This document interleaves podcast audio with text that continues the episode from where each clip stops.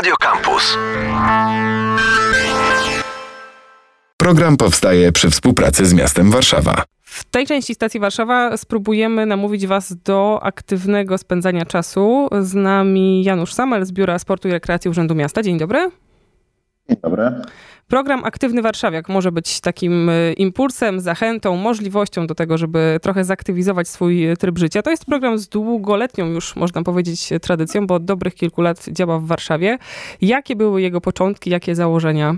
Aktywny Warszawiak to program, e, który nie jest stricte sportowy. To program aktywizujący, to program, który ma zachęcić nas do tego, abyśmy mm, wypracowali w sobie nawyki ruchowe albo wypracowali w sobie e, takie mm, podejście do swojego życia, że sport czy aktywność ruchowa jest integralną częścią naszego życia. W tym zabieganym świecie chcielibyśmy e, zaproponować mieszkańcom i proponujemy to w różnych formach przystąpienie do aktywności fizycznej.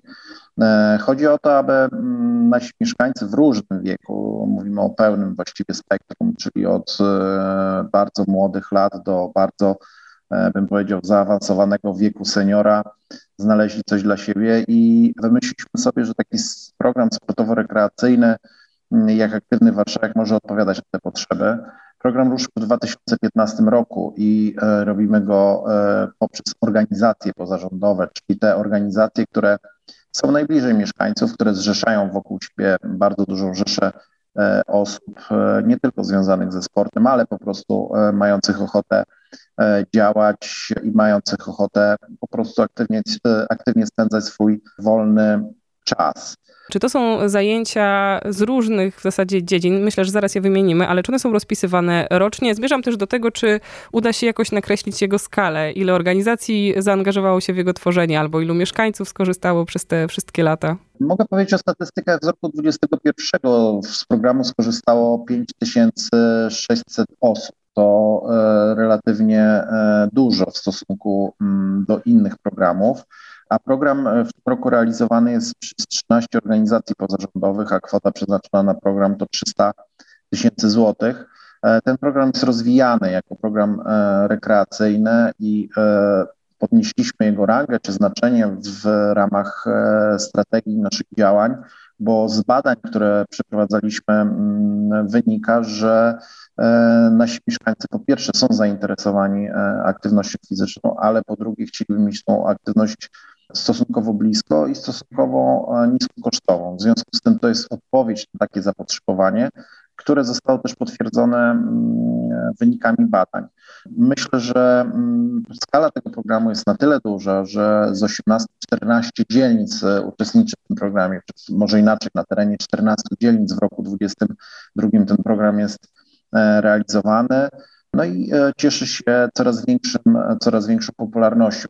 Problem, a właściwie nie problem, tylko mm, ograniczenie wynika z tego, że program jest też taki program, nazwijmy puszowym, czyli tak naprawdę zachęcamy te wszystkie osoby, które jeszcze nie są zachęcone do tego, aby znalazły sobie jakąś formę ruchu i zaczęły korzystać z aktywności ruchowych na co dzień. Mówił Pan o tych cechach, które są pożądane przez ludzi, osoby, mieszkańców, którzy chcieliby się włączyć w aktywność sportową i to była ta bliska odległość do obiektu, niski niskie koszty tej aktywności sportowej. A czy jakieś preferowane dyscypliny? Bo spojrzałam w program i tam rzeczywiście y, mogę się powołać na to kolokwialne określenie od sasa do lasa. Rolki, pływanie, judo, slow jogging, y, nartorolki, piłka nożna, czy też poprawa jazdy na rowerze. Czy ta oferta bierze się z możliwości organizacji, które się włączają w program, czy właśnie z jakichś deklarowanych preferencji tych, którzy potencjalnie w zajęciach uczestniczą? To jest tak, że przede wszystkim organizacje pozarządowe, które realizują swoje cele poprzez rekreację ruchową, wskazują nam e, niektóre z tych dyscyplin. Jak te, te które pani wy, e, wymieniła, e, są, bym powiedział, bardzo techniczne, choćby nartorolki, to nie jest tylko oczywista dyscyplina E, dosyć trudna, ale są e, też dyscypliny, które mm, jakby nie mają odzwierciedlenia w takim e, systemie sportowym, jeśli bym mógł to tak nazwać, albo gdzieś są obok tego systemu, bo również proponujemy, aby nasi mieszkańcy przychodzili na Family Judo, czy Dance Fitness, czy Pilates, czy samoobronę, ale też jest Tai Chi, który jest bardzo fajny do przeprowadzenia w parkach. E, chociażby, ale też jest Zumba. i też jest Nordic Walking. W związku z tym, oprócz tych dyscyplin, które mm, rozumiemy jako takie stricte dyscypliny sportowe, proponujemy dyscypliny, które czy, czy aktywności, które de facto są dostępne dla każdego, w sensie takim, że e, nie trzeba być e, jakimś bardzo mocno zaangażowanym w sport, czy uprawiać go wcześniej albo teraz w jakiś sposób bardzo zaawansowany, żeby e, przystąpić do tego działania. I taki ma być ten program. To ma być program, tak jak powiedziałem wcześniej, taki puszowy, zachęcający w ogóle do, do wyjścia z domu i znalezienia sobie jakiegoś fajnego, fajnej rozgrywki, rozrywki i, i, i spędzenia miło czasu. Dodałabym może też, że integrujące, bo kiedy zerknęłam na przedział wiekowy, to często zajęcia oznaczone są na przykład od 6 do 99 lat, więc może też działania międzypokoleniowe wynikną z tych aktywności sportowych, które w ramach aktywnego warszawiaka i pewnie też warszawianki się odbywają. A czy możemy się jeszcze na podstawie historii programu i tej oferty dowiedzieć czegoś o poszczególnych częściach Warszawy albo o mieszkańcach? Jakieś dzielnice wiodą prym, mieszkańcy których z nich są bardziej aktywni od pozostałych albo preferują inne dyscypliny? E, tutaj bardziej bym, e, znaczy nie robiłbym z tego programu e, zajęć sportowych i nie stawiałbym nikogo na pudle, jak mówią sportowcy. Bardziej tu chodzi o to, żeby w każdej dzielnicy ktoś miał blisko do tych aktywności. W związku z tym nie chciałbym wskazywać konkretnie, że w tej dzielnicy jest lepiej, a w tej dzielnicy jest trochę gorzej. Zależy to od bardzo wielu czynników i zależy to też od demografii poszczególnych dzielnic. Natomiast, e, tak jak e, pani redaktor zaznaczyła, to jest nasz cel, e, aby można tam też międzypokoleniowo spędzać czas, czyli na przykład, żeby rodzice z dziećmi, dziadkowie z wnukami, może same dzieci, a może sami seniorzy, a może po prostu osoby, które będą przechodziły sobie na przykład w okolicach parku, zobaczą coś fajnego się dzieje, znalazły takie zajęcia, które dziś zainspirują i wciągną do aktywności ruchowej.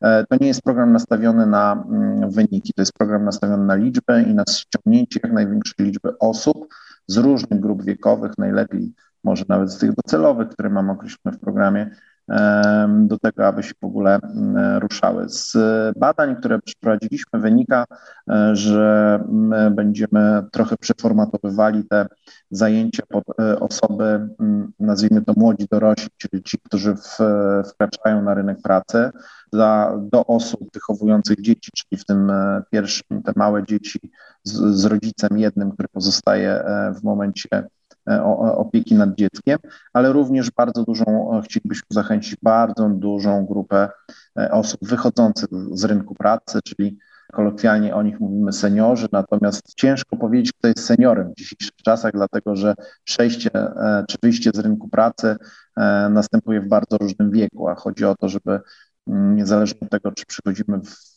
że tak powiem, w trochę młodszym wieku, bo mamy takie możliwości na emeryturę, czy w wieku trochę starszym, żebyśmy jednak e, utrzymywali kondycję i aktywność psychofizyczną na wysokim e, poziomie, bo Warszawa no, jest miastem, które posiada kilkaset tysięcy osób, które są już w tej chwili poza rynkiem pracy, czyli tak zwanych seniorów. Na koniec chciałabym, żebyśmy jeszcze przyjęli perspektywę organizacji pozarządowych, które być może chcą się włączyć e, w ten program Aktywny jak przypomnę, o nim rozmawiamy. Czy tu jeszcze są jakieś otwarte drzwi? A mówiąc otwarte drzwi, pewnie bardziej wyobrażam sobie różne procedury, które sprawiają, że można e, takie aktywności sportowe realizować, będąc organizacją pozarządową. Realizujemy konkursy roczne. O tym pani redaktor też e, wspomniała na wstępie, czyli tak naprawdę będziemy w listopadzie ogłaszali nabory na kolejny rok, czyli mówimy o sytuacji, mm, w której e, nowe inicjatywy bądź nowe organizacje, które chciałyby przystąpić do tego programu, e, miałyby się zgłosić do nas ze swoimi pomysłami. W listopadzie ogłaszamy konkursy, więc będziemy robili nabory na rok 20 trzeci. W roku 2022 to, o czym już dziś rozmawialiśmy, jest realizowane, jest to lista, no można powiedzieć, zamknięta.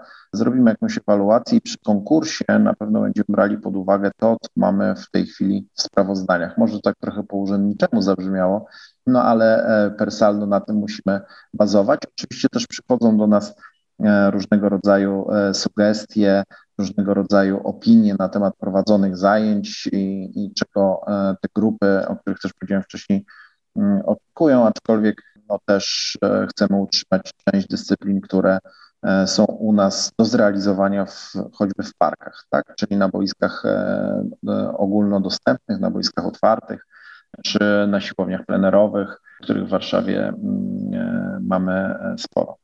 To poza tym, że lista zamknięta, to jeszcze dodam, że dosyć długa. Można ją oczywiście znaleźć pod hasłem Aktywny Warszawiak na stronach miejskich y, i spojrzeć z perspektywy tych, którzy chcieliby do zajęć dołączyć, ale też to, o czym mówiliśmy na ostatnim odcinku naszej rozmowy, być może współtworzyć tę ofertę w kolejnych y, sezonach.